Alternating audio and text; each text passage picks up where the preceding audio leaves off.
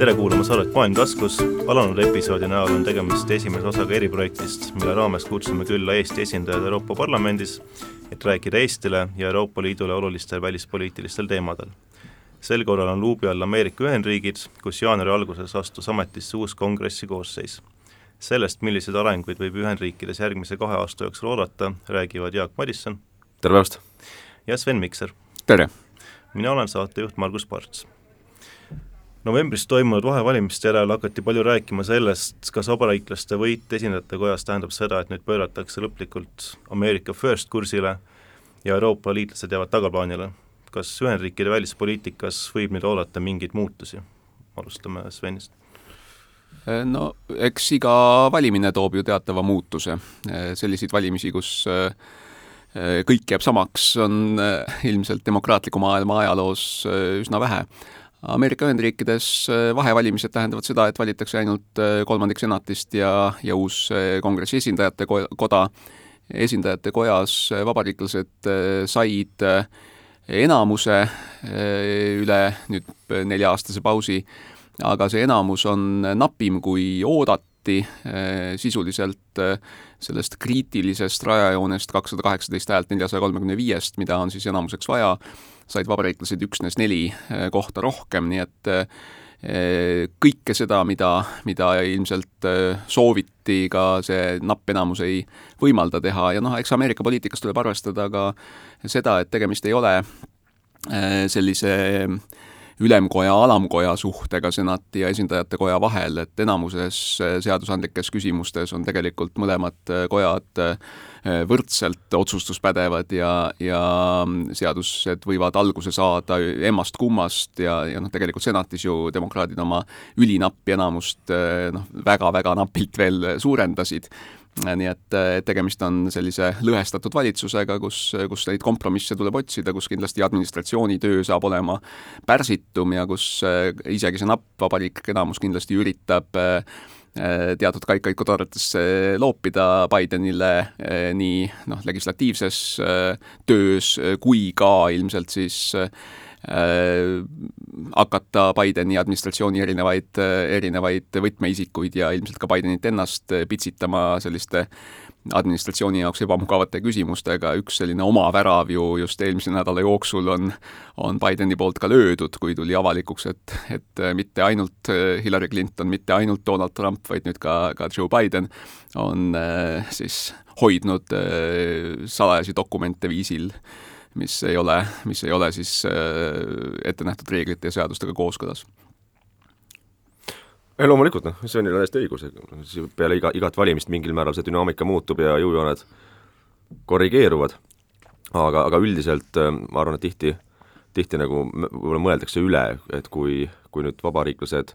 kelle hulgas on äh, väga väikene hulk neid esindajaid, kes, kes võib-olla oma poliitikaga ei ole meile kõige meeldivamad, hoolimata meie nii-öelda siin parteilisest kuuluvusest Eestis või, või meie regioonis üldse, siis noh, tihti hinnatakse nende mõju nagu üle. et sama asi on demokraatide parteiga, et ka seal on, on olemas niisugune väiksem seltskond, kes, kes tahaks nii-öelda eemalduda kogu maailma küsimustest, vähendada kaitsekulutusi, mitte tegeleda enam probleemidega laiemas maailmas, eelkõige Venemaa ja Hiina ohuga, aga ma arvan, nende noh, nende mõju ei ole kindlasti nagu selline nii-öelda partei üldkurssi muutev et see ei ole nagu niivõrd suur risk. aga mi-, mingil määral nad loomulikult tähelepanu saavad. Äh, teine asi, mis puudutab vahevalimisi, siis äh, noh, kõige toredam asjaolu oli see, et äh, siseringile oli see Bideni salastusdokumentide ärakaotamine kuskile garaaži teada enne vahevalimisi. ja kui me nüüd nagu hakkame võrdlema seda, et kuidas siis tehti massiivne läbiotsimine kuskil Mar-a-Lagos Trumpile ja leiti sealt lausa õhtusöökide menüüsid, mis oli riiklik salastus, ja võrdleme nüüd Bideni dokumente kus olid julgeolekumemod ka Ukraina ja Venemaa kohta ja need olid sala, sala nii-öelda hoiti nii-öelda varju all, et vahevalimised toimuksid ruttu ära, siis noh, eks me siin ka noh, näeme nagu mingil määral sellist nagu tüüpilist kahepalgelist suhtumist, et kui me leiame õhtusöögi menüüd või me leiame salajased dokumendid, mis puudutavad julgeolekut ja välispoliitikat ja, ja kuidas siis on suudetud hoida need vahevalimiste ajal varju all, et nad ei mõjutaks kuidagi valimistulemusi. Aga noh, selline see maailm juba kord on, äh, mis, mis siin teha, aga noh, ma arvan, et eks kõik siin keskenduvad juba niikuinii järgmistele presidendivalimistele, mis on järgmise aasta lõpus, nii et ma arvan, et see on praegu palju huvitavam periood, mis saab olema nüüd, et kummagi, kummagi partei võimalikud kandidaadid, et mis mis seal toimuma hakkab. Mõlema, mõlema kaasuse jaoks on määratud ametisse nüüd nii-öelda eri erinõunik, kes siis hakkab välja selgitama nende dokumentide mahtu, sisu, nende leidmise ja hoidmise asjaolusid. et äh, kui äh, Trumpi Mar-a-Lago residentsist leitud äh, dokumentide hulgas oli ka mõni lõunasöögi, lõunasöögimenüü, siis äh, kindlasti nende dokumentide äh, põhituum oli, oli tunduvalt, tunduvalt tõsisem. eks see, kui palju, millise sisuga dokumente ja mis asjaoludel ja ka mis tingimustes nii-öelda väär, vääralt hoiti, et eks see saab avalikuks õige pea, et siis saab neid kaasusi ka kindlasti, kindlasti võrrelda ja, ja hinnata, kumb on Äh, tõsisem, aga noh, kahtlemata kahetsusväärne on, et Ameerika Ühendriikides äh, sedavõrd palju äh, saladust, sedavõrd lõdvalt hoitakse, et teda on võimalik paberikujul endale kuhugi koju, residentsi või, või garaaži toimetada. Et eh, noh, tegelikult ju Ameerika Ühendriikides selline riigisaladusega ümberkäimine on olnud teemaks eh, päris, päris pikalt, et mäletame väga massiivseid andmelekkeid ju siin Edward Snowdeni ja ja, ja täna siis Chelsea Manningu läbi avalikustatud. et, et see kahtlemata on probleem, et millega, millega ameeriklased peavad ja tulevased administratsioonid peavad väga tõsiselt tegelema no kui sellest saab nii-öelda ainult üksnes poliitilise pingpongi või, või, või jalgpalli objekt eh, on, on kahetsusväärne, sest no kahtlemata kui kui äh, taolised väga sensitiivsed dokumendid äh, satuvad valedesse kätesse, siis äh,, siis see julgeolekuoht on Ameerika Ühendriikidele, aga, aga kindlasti võib see kahjustada ka tegelikult Ameerika Ühendriikide ja ja liitlaste äh, sujuvat, sujuvat infovahetust äh,, sest äh, sest kahtlemata noh, ka meie jälgime ju mis, mis saab nendest, nendest saladustest, mida meie jagame teie oma, oma liitlastega. Ma küsin ikkagi veel natukene Ühendriikide välispoliitika kohta, et äh, peale novembrikuiseid valimisi tuli vähemalt Eestis väga suureks teemaks see, et kas jätkub samal tasemel Ukraina toetamine, mis on loomulikult noh, võtmetähtsusega küsimus, eks ole, et äh, mingid hääled ja, ja päris äh, ütleme, mõjukad hääled teatud vabariiklaste tiibades on siiski öelnud, et Ukraina toetamisega noh, siis jätkata vähendatud tas-, tasemel. Äh,, kuidas seda olukorda praegu näha, et me nägime näiteks seda spiikri hääletust, mis praegu toimus, kus see tegelikult spiiker võeti vastu väga suurte probleemidega, kas kõik need asjad hakkavad kuidagi võib-olla kokku mängima, kui on vaja vastu võtta mingisugune suur abipakett näiteks, sellepärast et ega nende triljoni dollari suuruste pakettide vastuvõtmine ei ole nüüd niisama lihtne kongressis? noh, seda, loomulikult aga, aga noh, lõppkokkuvõttes seal tuleb ka noh, aru saada sellest, et seal on ka Vabariikliku partei sisemine võitlus. et kelle mõju seal lõpuks siis äh, suuremaks osutub päeva lõpuks, eriti enne sisevalimisi. ja noh, nii palju, kui siin kuluaarid rääkinud on, ja nii palju, kui meediast lugeda saab, et lõppkokkuvõttes äh, noh, Trump olevat olnud see, kes siis äh, oli ikkagi surunud seda, et äh, nende soosikkandidaat saaks valitud esindajate koja juhiks ja loomul-, noh, see on ka arusaadav, et kui sa lõpuks nagu mängid ennast välja kui lõppotsustajat Vabariiklikus parteis, arvestades seda, et sul on ka tänaseks päevaks üks tõsiseltvõetav ja mõni vähem tõsiseltvõetav konkurent enne sisevalimisi, et lõpuks, kuidas sa paned ennast maksma ja see on täiesti arusaadav. aga mis puudutab noh, Ukraina aitamist, siis ja seda, mida meedia nagu räägib ka meie regioonis või meil, siis noh, muidugi valdav enamus uudistest, mida, mida saame lugeda kas Delfist või Postimehest või ERR-ist, siis kõik on noh, lihtlabane tõlge kuskilt CNN-ist. ja ilmselgelt siis ei pea nagu olema väga suur hiromant, et aru saada sellest, et äh, kui on kisma kuskil Vabariiklikus parteis viie-kuue saadiku pärast, siis äh, me saame lugeda hommikust õhtuni sellest, kuidas Vabariiklik partei on lõhki ja nüüd kõik tahavad võtta toetuse Ukrainalt ära. sest seda CNN rääkis aga, aga samal ajal, kui on mingid muud küsimused, siis üldiselt neid me lugeda ei saa. nii et ma siin oleksin nagu allikakriitiline üldiselt äh, selle kohta, mida me siin loeme üldiselt Ameerika sisepoliitika kohta, et see tihti ei ole nagu väga nii-öelda, nii-öelda tõsiseltvõetavalt neutraalne, vaid pigem kõ-, kõverpeeglis äh, kuvatud äh, informatsiooni maht, eks ole, kus siis on mingisugune pigem maailmavaateline agenda taga, nii et noh, ma, ma nagu ei läheks nagu sellepärast nagu väga väga närvi või ei, ei tõstaks oma vere rõhku Äh, no meie võime, ma loodan, Ameerika Ühendriikide sisepoliitikat vaadata ikkagi väljaspoolt, et me ei pea ennast panema siin ühe või teise partei apologeetide või, või advokaatide rolli. Ja noh, selge on, et see jõu ülekaal esindajate kojas on vabariiklastel väga napp, noh, võib-olla isegi huvitavam kui see mitmekümne vooru pikkune spiikri valimine on see, mis tingimustel siis lõpuks need vajalikud kakssada kaheksateist pluss häält McCarthy'le tulid et mida ta selle eest lubas siis sellele väikesele vähemusele, sellele, sellele väga, ütleme siis äh, Äh, äärmuslikule tiivale vabariiklikus parteis. et äh, üks osa nendest lubadustest kindlasti on seotud tema enda äh, siis selle spiikri positsiooni tugevuse või nõrkusega, et kuuldavasti andis McCarthy ja tema, tema siis tagatuba väga, väga suurel määral järele nõudmistele, et et spiikri tagandamine muuta oluliselt lihtsamaks või spiikri tagandamise algatamine vähemalt muuta oluliselt lihtsamaks, kui ta on seni olnud Eh, teine küsimus nüüd on sisulisemates, poliitilisemates järeleandmistes. Ja ma, ma olen täiesti veendunud, et tegelikult on kongressi mõlemas kojas väga suur kaheparteiline enamus selle seisukoha taga, et Ukraina toetamist tuleb jätkata, et see tugi peab olema massiivne, et Ukraina peab selle sõja võitma ja Venemaa peab selle sõja kaotama. samas võivad Ameerika Ühendriikide mm, poliitika sellist struktuuri ja, ja, ja toimimismehhanismi arvestades teatud karisid tekitada hoopis teised, võib-olla esmapilgul mm, Ukrainaga mitte seotud küsimused. vabariiklus parteis on ajalooliselt võrdlemisi tugev selline fiskaalkonservatiivne tiib ja võib eeldada, et kuna, kuna noh, kui vaadata, et et kaks parlamendikoda on, on võrdse pädevusega enamuses seadusandlikes küsimustes ja siis noh, on teatud küsimused, mis kuuluvad ühe või teise koja pädevusse, näiteks välislepingute ratifitseerimine ja kõrgete ametikandjate ametisse nimetamine või ametisse kinnitamine Äh, on äh, eksklusiivselt senati käes, aga eelarve küsimused äh, on, on siis esindajatekoja prerogatiiv ja kindlasti seda nüüd vabariiklik esindajatekoda üritab ka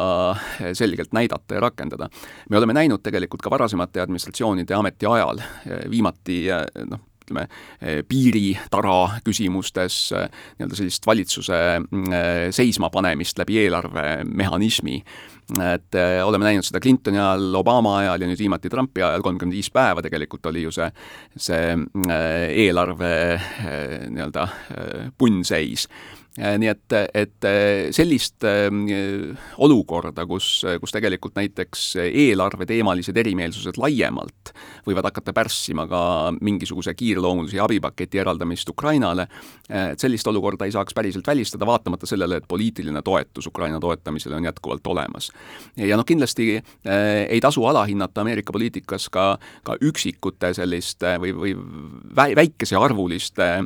radikaalide mõju ja, ja, ja, ja ja võimet kasutada neid protseduurilisi mehhanisme selleks, et aeglustada näiteks eh, parlamendi tööd. ja, ja see kindlasti on lihtsam olukorras, kus ühe partei enamus on napp eh, sest, sest selline eh, üle siis parteide, parteilise rajajoone koostöö tegemine jääb paraku nii Ameerikas kui ka, kui ka Euroopas järjest haruldasemaks, järjest harvemaks. minu jaoks oli huvitav küsimus, et kui need hääletused käisid seal esindajate kojas Priikri üle, siis äh, teatud hääled seal, no ütleme siis noh, äärmuslikumate vabariiklaste seas, eks ole, kes blokeerisid McCarthy't, ütlesid, et äh, et ega noh, et me sisuliselt nagu ei tahagi midagi, et noh, Washington on juba niigi katki, et, et noh, sealt tuleb süsteemi üldse muuta. et noh, Jaak, te ütlesite, et ei maksa asju üle tähtsustada, aga samas ma ikkagi nagu tahaks, ütleme siis noh, äh, selge pildi huvides ma tahaks küsida, et, et mida need hääled seal tahavad ja, ja mida nad võivad hakata siis nii-öelda äh, välja pressima võib-olla selle vabariiklaste peavalu käest? ega alati on olnud ja jääb olema mingisugune protsent äh, poliitjõududest või parlamendiliikmetest, kelle arvates äh, nüüd see olukord on lõplikult katki, siin polegi enam mitte midagi teha, me peame süsteemi lõplikult reformima, et saada mingit uut algust, aga, aga jällegi noh, me täpselt samasuguseid äh, sõnumeid võime kuulda ka Euroopa erinevatest riikidest. võime seda kuulda ka vahel ka Eestist. et see ei ole mitte midagi uut ega üllatavat siin ilmas, et, et on loomulikult äh, parlamendiliikmed, kes arvavadki, et, et kõik on noh, lõpuni läbi, ega siis Euroopa Parlamendis samamoodi on, on mingi seltskond inimesi, mitte küll väga palju, aga on, et, et põhimõtteliselt kõik ongi väga halb ja tegelikult kõik, kogu süsteem tuleks põhja lasta et midagi uut üles ehitada. aga, aga nii, nagu ka Sven ütles, et, et arvestades seda, et vabariiklastel on väga napp enamus esindajate kojas ja neid inimesi on seal kokku vist oli kuus, kes on selgelt nagu siis distantseerunud vabariikliku partei üldjoonest ja blokeerisid McCarthy't siis äh, neil on loomulikult mingisugune võim olemas, äh, mis on ka nagu täiesti tavapärane demokraatias ja parlamendipoliitikas, et, äh, et sa saad vastavalt oma agendale või oma, oma nägemusele mingeid asju algatada või blokeerida ja kui on küsimused eelarves, siis noh, ilmselgelt, et ega siis USA eelarve tasakaal ei ole mitte midagi nagu rõõmustavat seal. Ja, ja arvestades konservatiivide äh, erinevat lähenemist võrreldes demokraatidega eh, fiskaalpoliitikale, siis on see ka täiesti ennustatav, et nad üritavad midagi teha ja loomulikult see võib kaasa tuua selle, et et mingite abipakettide saatmine Ukrainasse võib venida kas nädalaid või kuid. Eh, ja sellega tuleb ka arvestada, seetõttu, aga, aga noh, samal ajal nüüd ongi küsimus see, et, et ku-, kuidas suudavad kahe erineva partei peavoolu esindajad, kes on nagu üldiselt samal arvamusel Ukraina aitamises või eh, Venemaa äh, agressiivsuse taltsutamises, et kuidas nad suudaksid siis nii-öelda üle olla demokraatide äärmuslikust tiivast ja vabariiklaste sellest nii-öelda väga paremservatiivast tiivast, kes on väga kriitilised Ukraina aitamises. et, et lõpuks ikkagi need paketid läbi suruda. aga noh, see on jällegi nende siseküsimus ja, ja ma arvan, et ega siin mingeid lihtsaid vastuseid ei saagi olema, et ega me, me siin pole ennustajad, et ütleme, et kuidas nüüd lõpuks, lõpuks hakkab järgmised poolteist aastat kujunema enne, enne järgmisi valimisi. aga see on nagu lootus, mida me võime justkui nagu väljendada Äh, no ei ole ka, kui need äh, viis, kuus, seitse või mitu iganes neid on, neid äh, veendunud McCarthy vastaseid, kes, kes soovisid siis nii-öelda sellist paradigmat totaalselt muuta. et ega ka see ülejäänud seltskond Vabariiklusparteis ei ole mm, hom-, sugugi homogeenne. ega ka demokraatlikkus, tegelikult tuleb öelda, et Ameerika poliitikas ju kõik kongresmenid ja noh, senat, senaatorid veel enam, eks nad valitakse ju tegelikult äh, nii-öelda, nii-öelda ühemandaadilisest ringkonnast, nad mm -hmm. on eeskätt äh, aruande kohus, kohuslased ikkagi oma valijate ees ja seetõttu noh, nende painutamine sellise väga range parteilise distsipliini alla on, on üksjagu suur väljakutse. Äh, vabariiklusparteis ajalooliselt on eristatud võib-olla sellist kolme suurt voolu, on äh, sellised majandus- või fiskaalkonservatiivid, äh, kelle jaoks tegelikult nii-öelda poliitika kõige tähtsam defineeriv äh, küsimus on just nimelt see, see majanduslik kestlikkus, on julgeolekukonservatiivid, noh, kes meie jaoks on võib-olla kõige sümpaatsemad, mõtlevad nii, nagu meie, saavad aru sellest, kui oluline on, on, on maailmas ütleme, selliste demokraatlike jõudude mm,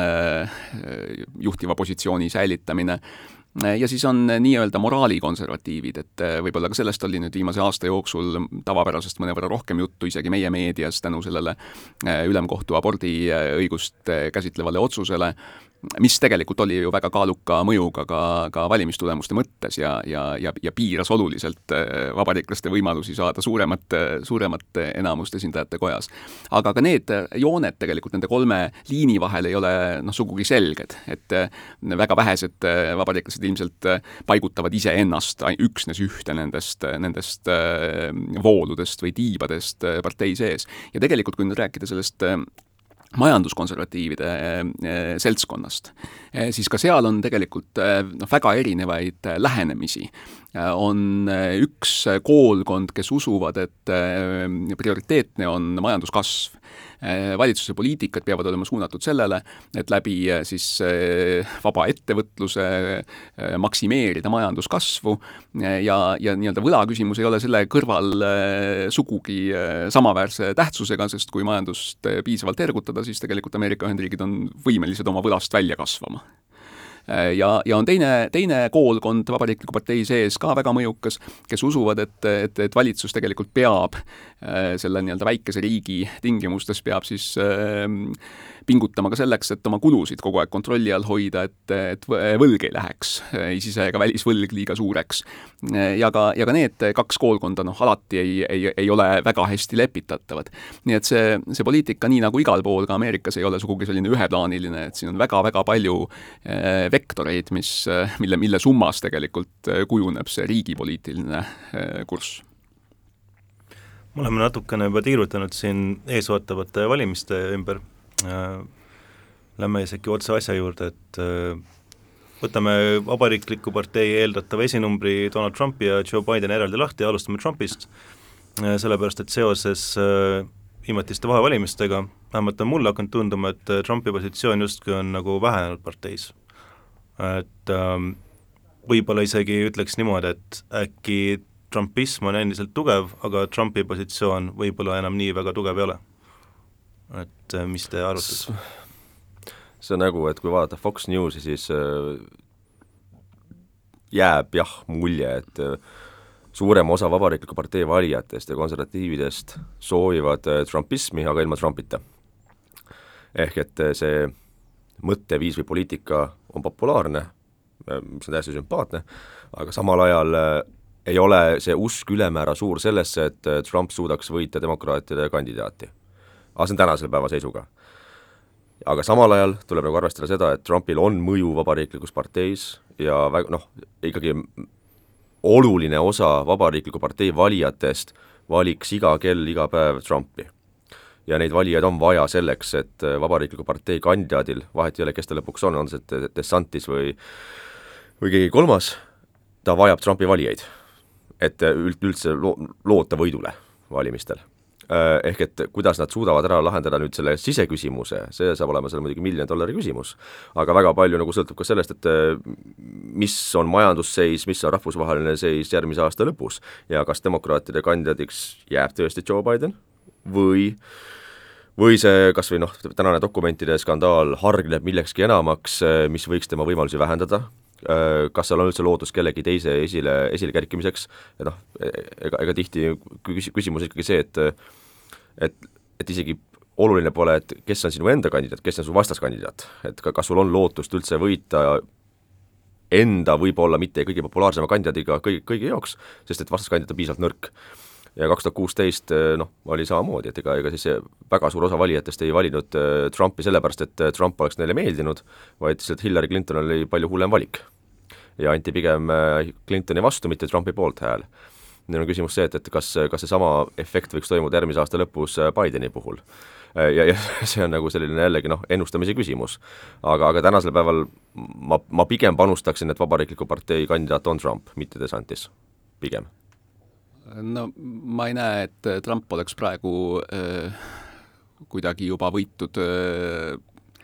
siis Vabariikliku partei presidendikandidaadiks ja Trump äh, Vabariikliku partei presidendikandidaadina on kindlasti demokraatide unistus, juhul kui demokraatide kandidaadiks on Joe Biden. Äh, eks alati on nii, et äh, kui ametis olev president taotleb tagasivalimist, siis ta, tema võimalused nii-öelda rääkida oma tulevasest programmist järgmiseks neljasaja, nel-, nelja-aastaseks ametiajaks on äh, palju kasinemad ja, ja äh, siis äh, nii-öelda kõrvalt tuleva kandidaadi sooviks on korraldada valimispäeval referendum ametis oleva presidendi isiku üle. Ja kui seda narratiivi õnnestub niimoodi suunata, on see noh, pahatihti nii-öelda poliitiliseks surmaotsuseks ametis olevale presidendile küll aga äh, Donald Trump on erakordselt toksiline kandidaat äh, suure osa Ameerika valijate jaoks kui välja arvata nii-öelda tema enda tuumikvalijad, keda kindlasti ühiskonnas ei ole enamus, neid on küll palju, aga nad ei, nad ei moodusta selget enamust. Ja, ja, ja kui tuleb taas vastasseis Biden versus Trump, siis ma usun, et, et mõlema kandidaadi puhul hakatakse eeskätt hindama nende minevikutegusid, nende senist seda rekordit et see on, see on kindlasti juht, juba puhtalt poliittehnoloogiliselt eh, demokraatide jaoks eh, parem seis, eh, kui vastandada noh, näiteks DeSantise tulevikuvisiooni Bideni senistele tegudele nii et aga, aga Trumpi positsioon on kahtlemata nõrgem, kui ta oli veel novembri esimestel päevadel enne vahevalimisi. ikkagi, kui lugeda ja, ja, ja kuulata Ameerika Ühendriikide meediakajastusi vahetult valimiste järel, siis nii demokraatide poole kalduvad äh, väljaanded kui ka tegelikult vabariiklikud väljaanded nad kõik äh, üksmeelselt ikkagi andsid hinnangu, et nende vahevalimiste suurim kaotaja oli Trump. väga paljud tema personaalselt valitud kandidaadid, ees, eeskätt just senati valimistel, kaotasid ja, ja, ja tema nähtavus tegelikult kahjustas väga suurel määral vabariiklike, vabariiklaste kandidaate, kellel oleks võib-olla nendes just väga napi ülekaaluga ringkondades olnud võimalus, võimalus seda, seda kaalukaussi nagu pöörata. Et noh, kahtlemata tuleb arvestada ka Ameerika presidendivalimiste süsteemi eripära, seda valijameeste kogu süsteemi, kus noh, me oleme näinud, et, päris mitmel puhul ajaloos on, on presidendivalimiste võitjaks olnud äh, kandidaat, kes ei ole saanud tegelikult üle riigi äh, valijate enamust. ja noh, see ei tähenda ilmtingimata seda, et, et, et selle äh, presidendi või kandidaadi legitiimsus oleks kuidagi madal, sest noh, tihtipeale ka valimiskampaania teadlikult suunatakse sinna, kus on äh, Äh, kus on võimalus tulemust äh, kallutada, et äh, väga vähe ressurssi kulutavad näiteks vabariiklased Californias või või, või demokraadid siis väga tugevalt vabariiklikes lõunaosariikides. et pigemini keskendutakse nendele osariikidele, mis on nii-öelda kaalukeelel ja kus valimistulemus tegelikult otsustatakse. ja, ja, ja oluline on jälgida seda, seda pikaajalist dünaamikat just nendes, nendes osariikides. et võib näha, et näiteks, näiteks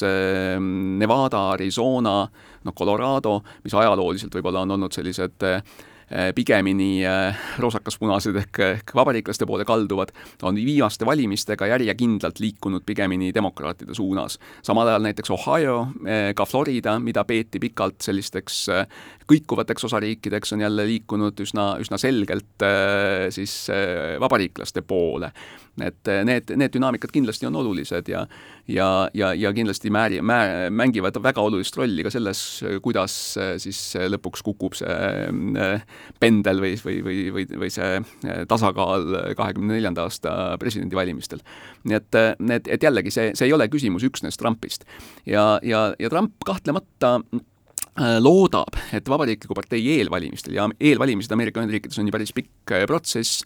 äh, vältavad mitmeid kuid, aga samal ajal sellist trendi, mille, mille loovad esimesed hääletavad osariigid, on hiljem väga keeruline pöörata. Ja seetõttu Trump ilmselt loodab, et Vabariikliku partei kandidaatide nimekiri eelvalimistel saab olema väga pikk Äh, sest ähm, sellisel juhul äh, varastes äh, eelvalimiste osariikides ähm, jagavad nii-öelda kõik teised kandidaadid omavahel seda, seda Trumpi vastast häält ja, ja, ja see väga hästi konsolideerunud Trumpi toetav tuumik annab talle väga selge edumaa selleks ajaks, kui noh, tegelikult võiks, võiks hakata seda trendi pöörama. juhul, kui näiteks Äh, ja, ja, ja praegu on sellest märke, DeSantis nii-öelda sellest ülejäänud äh, seltskonnast, äh, olgu seal Mike Pence, Nikki Haley, Pompeo, kes iganes, et kui ta sealt suudab väga-väga selgelt lahti rebida ja praegu märke sellest on, siis võib juhtuda, et, et mitmed neist täna kandideerimist kaaluvatest poliitikutest otsustavad mitte, mitte ressurssi raisata ja mitte seekord nii-öelda ringi astuda, sellisel juhul DeSantise šansid Trumpi vastu on märkimisväärselt paremad. demokraatidel vist ei ole nii häid võimalusi, ainult Joe Biden eks see sõltub sellest, kas Joe Biden tegelikult otsustab kandideerida, milline on tema, milline on tema reiting, et, et eks noh, on juhtunud ajaloos eh, seda, et, et ka ametisse olevale, ametis olevale presidendile esitatakse väljakutse, aga see on pigemini siiski suur-suur erand et aga kui Joe Biden peaks otsustama mitte kandideerida, kui tema populaarsus näiteks on sedavõrd madal ja, ja noh, eks, eks teatud mõttes mängib ka ju, ka ju vanus oma rolli, et sellisel juhul eh, ka demokraatide seas on, on mitmeid inimesi, kes positsioneerivad ennast ikkagi väga selgelt äh,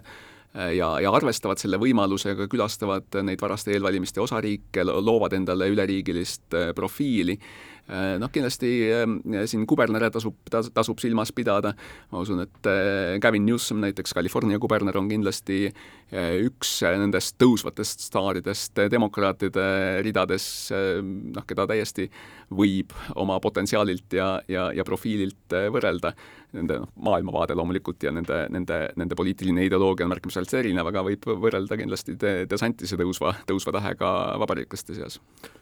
noh, siiamaani on Biden andnud ikkagi signaale, et äh, tahab väga minna võitlustulle teiseks ametiajaks kandideerima. aga noh, ja see ongi jah, nii nagu ka juba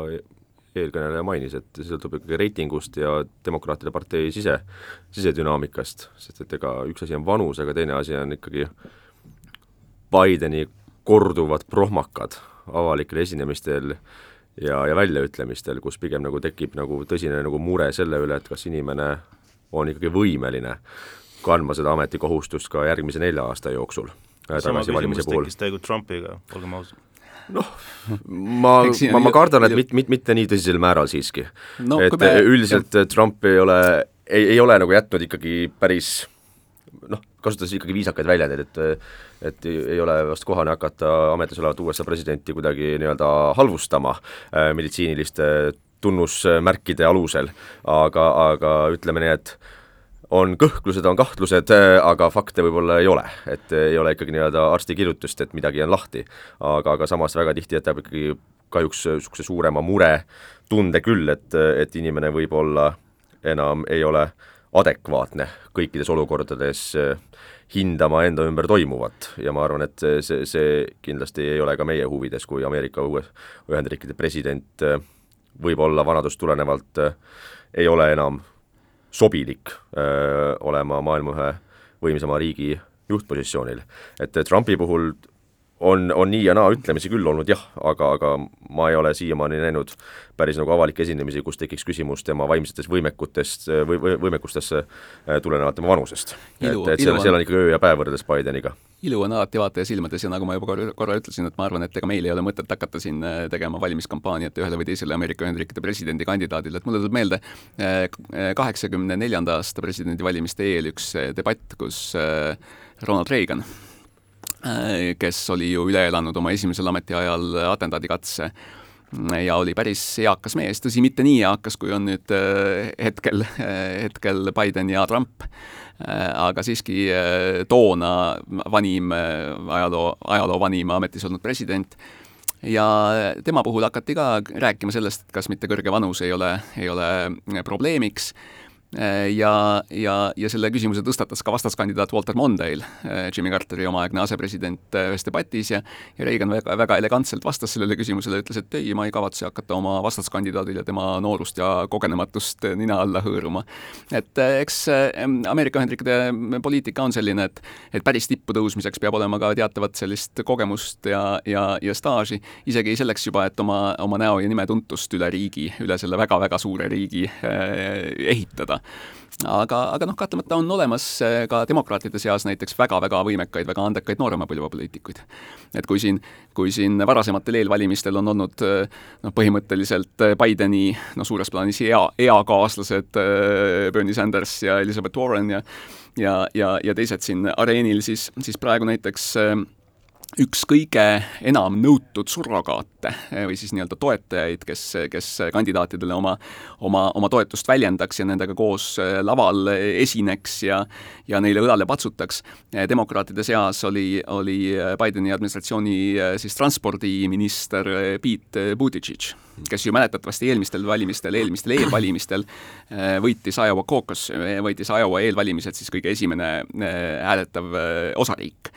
ja, ja, ja toona, kui jällegi tagasi ajas, ajas vaadata, siis, siis tegelikult ju äh, Bideni kampaania üldse mitte edukalt ei alanud. et ta ei võitnud äh, kumbagi äh, kahest esimesena hääletanud osariigist ja tema kampaania oli sisuliselt kokku varisemas, kui, kui South Carolina eelvalimised ta sisuliselt nii-öelda rongi alt välja tõid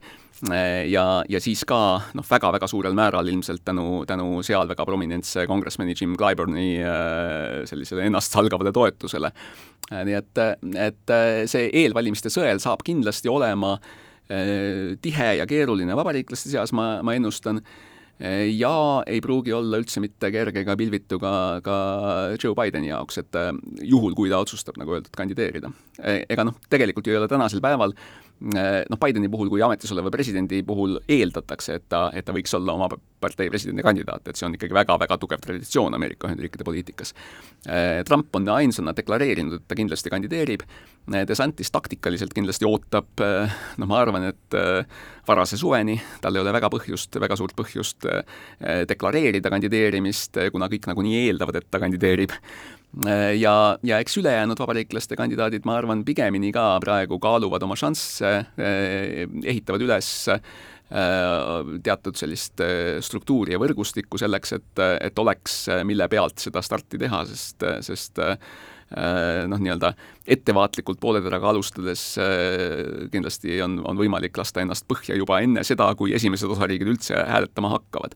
ja, ja noh, Trumpi puhul kindlasti on küsimus, kuidas ta nüüd siis nii-öelda reorganiseerib oma kampaania, sest see, see avalöök oli oli äh, suhteliselt jõuetu, tegelikult paljud prominentsed vabariiklased ju keelitasid Trumpi tiimi mitte deklareerima oma kandidatuuri enne seda, kui eelvalimised ära toimu- või vahevalimised ära toimuvad. et Trump äh, noh, harva võtab head nõu kuulda, seekord ei võtnud ja, ja tegelikult noh, alustas suhteliselt vähese energiaga, et mäletame, kuidas ta kahe tuhande kuueteistkümnendal aastal Äh, ju äh, eelvalimistel lasi põhja Jeb Bushi, keda peeti ühel hetkel äh, favoriidiks, sellega, et süüdistas teda nii-öelda väheses energias, väheses energias, low energy oli see, see, see ja. võtmesõna, ja nüüd tegelikult on see, on see nii-öelda peegeldunud talle endale tagasi, sest tema teise kampaania või, või, või õieti kolmanda kampaania avalöök on olnud suhteliselt madala energiaga, eks ta noh, kindlasti tal on ressurssi, et seda energiat natuke juurde mm, keerata, aga noh, väga sellist entusiasmi ta, ta seni ei ole vähemalt suutnud kiirata. ei, selles mõttes ma, ma, ma olen nõus, et ega ta üldiselt nõuandeid väga ei kuula. aga tihti on ta sellega ka nagu kümnesse pannud. praegusel juhul nii-öelda liiga rutakas teatamine oma kandidatuurist äh, andis juba varakult relvad ka vastaspoolele kätte. ja nüüd hoida seda nii-öelda toonust üleval, arvestades seda, et äh, vahevalimised ei läinud ülemäära hästi, nagu oodati algselt, siis noh, ilmselgelt äh,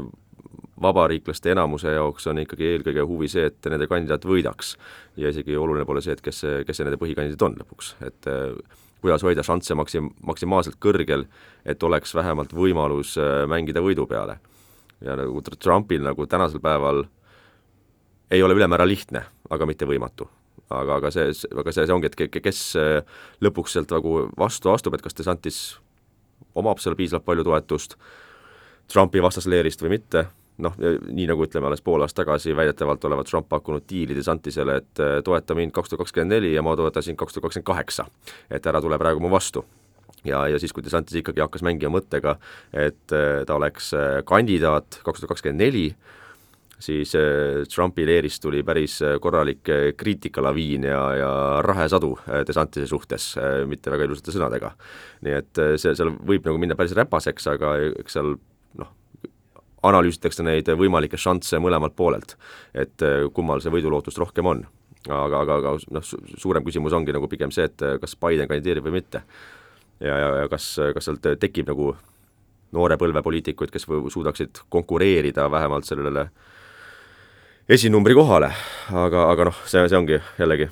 ennustamise küsimus. tõmbame saate lõpuks äh, algusesse tagasi, et äh, alustasime Euroopast, lõpetame ka Euroopaga, et äh, mäletan, kui Biden valiti ametisse, siis äh, kõik hõiskasid, et, et Ameerika Ühendriigid nüüd tulevad Euroopa rüppe tagasi ja kõik on väga ilus ja, ja taastub see transatlantiline side, mis, mis enne Trumpi oli justkui, aga nüüd on jäänud mulje, et Biden on samuti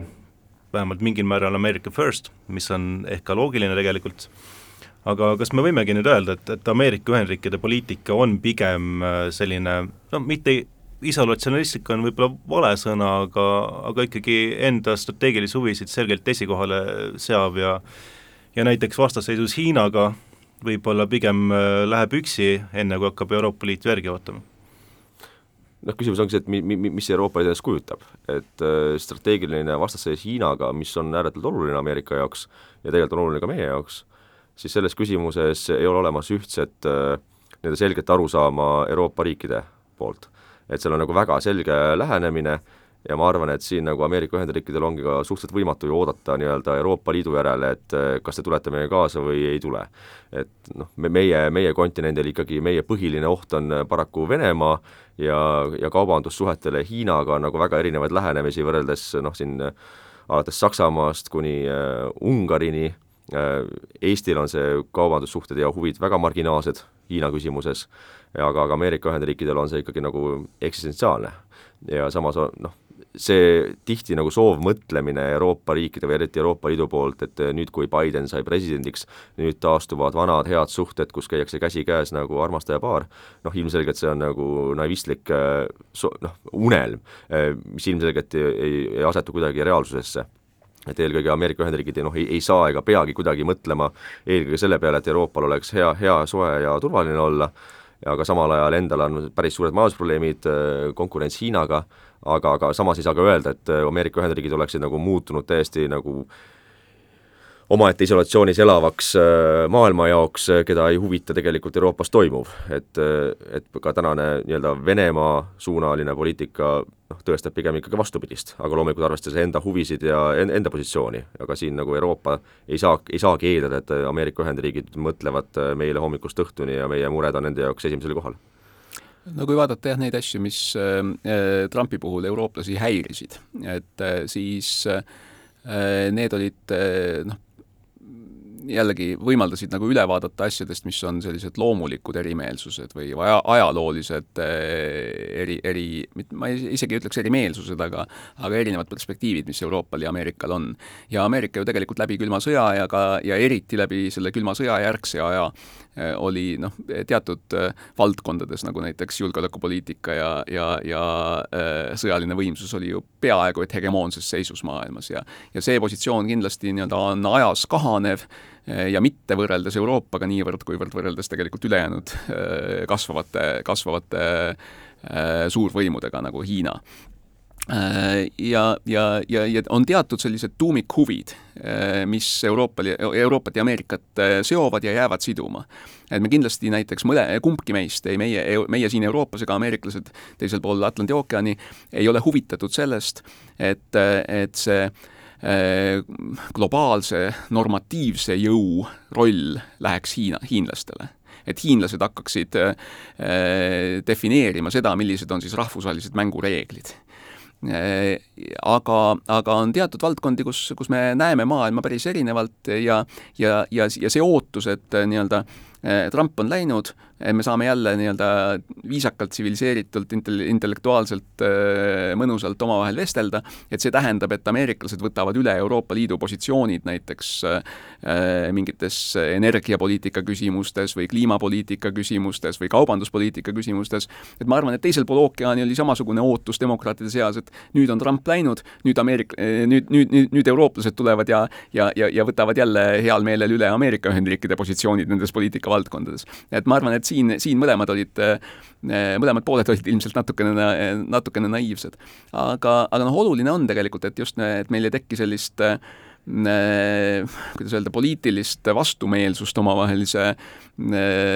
siira ja, ja, ja avatud suhtlemise suhtes. et sellised, sellised ohud olid õhus äh, omal ajal siis teise lahesõja ajal või niinimetatud Iraagi sõja ajal, äh, kus eurooplased mõned nii-öelda panid ennast lukku ja ei, ei soovinud Ameerika toonase administratsiooniga üldse rääkida ja, ja vastupidi. ja sellised märgid olid ka, olid ka Trumpi ajal, nii et kindlasti on oluline, et, et sellist äh, Äh, ebavajalikku antagonismi ei loodaks kohas, kus teda nii-öelda ei peaks olema. et ja näiteks julgeolekupoliitikas meil, meil, meil suures strateegilises plaanis tegelikult on ikkagi rohkem seda, mis meid kokku seob, kui seda, mis meid äh, lahku veab. jah, ilus mõte, loomulikult, et ma olen täiesti nõus. rohkem, mis, mis, mis meid seob, kui lahku veab, aga aga noh, samal ajal muidugi ka Euroopa Liidu enda suund on vahel selline strateegiline autonoomia ja prantslaste selline äh, napoleonilik äh, unistus äh, suurest Euroopa Liidu iseseisvusest ja sõltumatusest, eks, eks noh, siin on ka paras, paras ports äh, järrelevantsust ja ebareaalsust võrreldes päris, päris maailmaga. aga, aga noh, loomulikult, ma arvan, et siin tegelikult muud varianti eriti pole, kui, kui ikkagi no vähemalt üritada hoida mõlemalt poolt normaalset koostööd Euroopa Liidu ja Euroopa riikide ja Ameerika Ühendriikide vahel, sest et Venemaa oht on nii-öelda USA jaoks ja tegelikult maailma jaoks äh, selline lokaalne, Hiina oht on globaalne, nii sõjaline kui majanduslik. ja, ja, ja, need mõlemad ohud on ütleme nii, et tänasel päeval väga aktuaalsed, Ameerika Ühendriikide jaoks paraku on Hiina oht tunduvalt suurem ja akuutsem ja, ja pikaajalisem, aga samal ajal noh, meil tuleb ka sellest aru saada, et nende mõtlemisest, äh, mis on nende jaoks nagu su suurema väljakutsega ohud aga, aga samal ajal noh, ma, ma ei näe ka seda, et, et Ameerika Ühendriigid kuidagi taanduksid Venemaa ohu analüüsimisel või nende ohtude tal-, taltsutamisel ma arvan, et äh, kõigis äh, olulistes pealinnades äh, osatakse üsna kainelt analüüsida neid ohte ja ja ma sõnastaks seda võib-olla teisiti, ma ütleks, et Venemaa oht ei ole kindlasti lokaalne. et tegemist on ikkagi suure tuumariigiga, kes on valmis kannatama, võtma, võtma sisse väga suuri kaotusi selleks, et realiseerida mingeid imperiaalseid ambitsioone ja, ja nad kindlasti ei, ei, ei lahku sellelt äh, globaalselt äh, näitelavalt nende suurvõimude seast ilma, ilma võitluseta, et seda, seda, seda, seda illusiooni ei maksa luua. ja isegi, kui Venemaa peaks nii-öelda otsustavalt saama lüüa väga kiiresti, äh, siis, siis tuleb Ameerikal ja ka Euroopa suurtel riikidel ikkagi pingutada päris tõsiselt ja kulutada päris suuri ressursse selleks, et et tegeleda teatud ohtudega, mis tulenevad näiteks Venemaa,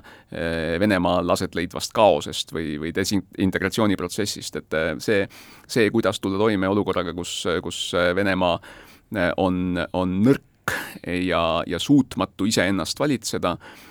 aga, aga tema territooriumil, tema käsutuses on jätkuvalt maailma suurimad tuumaarsenalid, keemiarelvatehased, tohutu hulk tuumateavet, Eh, teadlasi, kes on avatud võib-olla parematele palgapakkumistele mitte väga demokraatlikust maailmast ja nii edasi. et umbes samasugused väljakutsed, millega tegelikult tegelesid ameeriklased väga intensiivselt eh, meile võib-olla mitte nii väga nähtaval moel eh, pärast külma sõja lõppu. nii et, et Venemaa kindlasti jääb selliseks no mitte lokaalseks, vaid ikkagi väga tõsiseks globaalseks julgeolekuväljakutseks, aga samal ajal noh, loomulikult on strateegilises plaanis tegemist kahaneva suurusega. ja Hiina puhul on vastupidi, et ta võib-olla täna ei kujuta endast Eh, noh, võrreldavat sellist akuutset ohtu, nad ei ole huvitatud eh, sellisel moel maailma julgeolekust destabiliseerimisest nagu Venemaa, sest Hiina, Hiina eh, juhtide seas jätkuvalt usutakse, et Hiina suudab evolutsiooniliselt kasvada maailmas domineerivaks jõuks. aga, aga noh, nii ameeriklastele kui eurooplastele on see strateegilises plaanis väga-väga suur väljakutse ja ma ütleksin ka oht noh, selles oligi asi iva, et et otsene sõjaline oht, kui me noh, jätame tuumarelvad, loomulikult tuumarelva koha pealt on Venemaa globaalne oht, kuid otsene sõjaline oht on on Lääne-Euroopa ja ameeriklaste jaoks siiski Venemaa on lokaalne, ehk siis eelkõige naaberriikide vastane suunatud äh, sõjaline oht äh, ja ilmselgelt nad ei suuda nagu tavapärase sõjapidamise juhul ohustada mitte mingilgi moel tõenäoliselt ei Prantsusmaad ega Ameerika Ühendriike. küll aga Hiinal on see võimekus olemas, et äh, pool Aasiat panna ohu alla aga noh, selles mõttes loomulikult, et ja, ja see ka põhjendab tegelikult Lääne-Euroopas tihti nagu sellist utopistlikku suhtumist sellesse, et et hoida kuidagi Venemaad üheskoos, et loomulikult Venemaa peaks kaotama sõja Ukrainas, aga samal ajal ennetada seda, et ta päris ei laguneks kahekümneks tükiks, mis on tihti inimeste noh, kellele ei meeldiks, kui Venemaa olekski tegelikult paras ports erinevaid riike ja olematu sõjaline oht oma naaberriikidele, aga, aga need ohud, mis seejärel nagu äh, valla pääseksid äh, paisu tagant, on etteennustamatud ja, ja see on see kaos, mida arvatavasti mitte keegi ei tahaks näha tegelikult, ei sealpool Atlandit ega siinpool Atlandit. aitäh saatesse tulemast! aitüma! aitäh! selline oli seekordne saade, tänan kuulamast, järgmise korrani!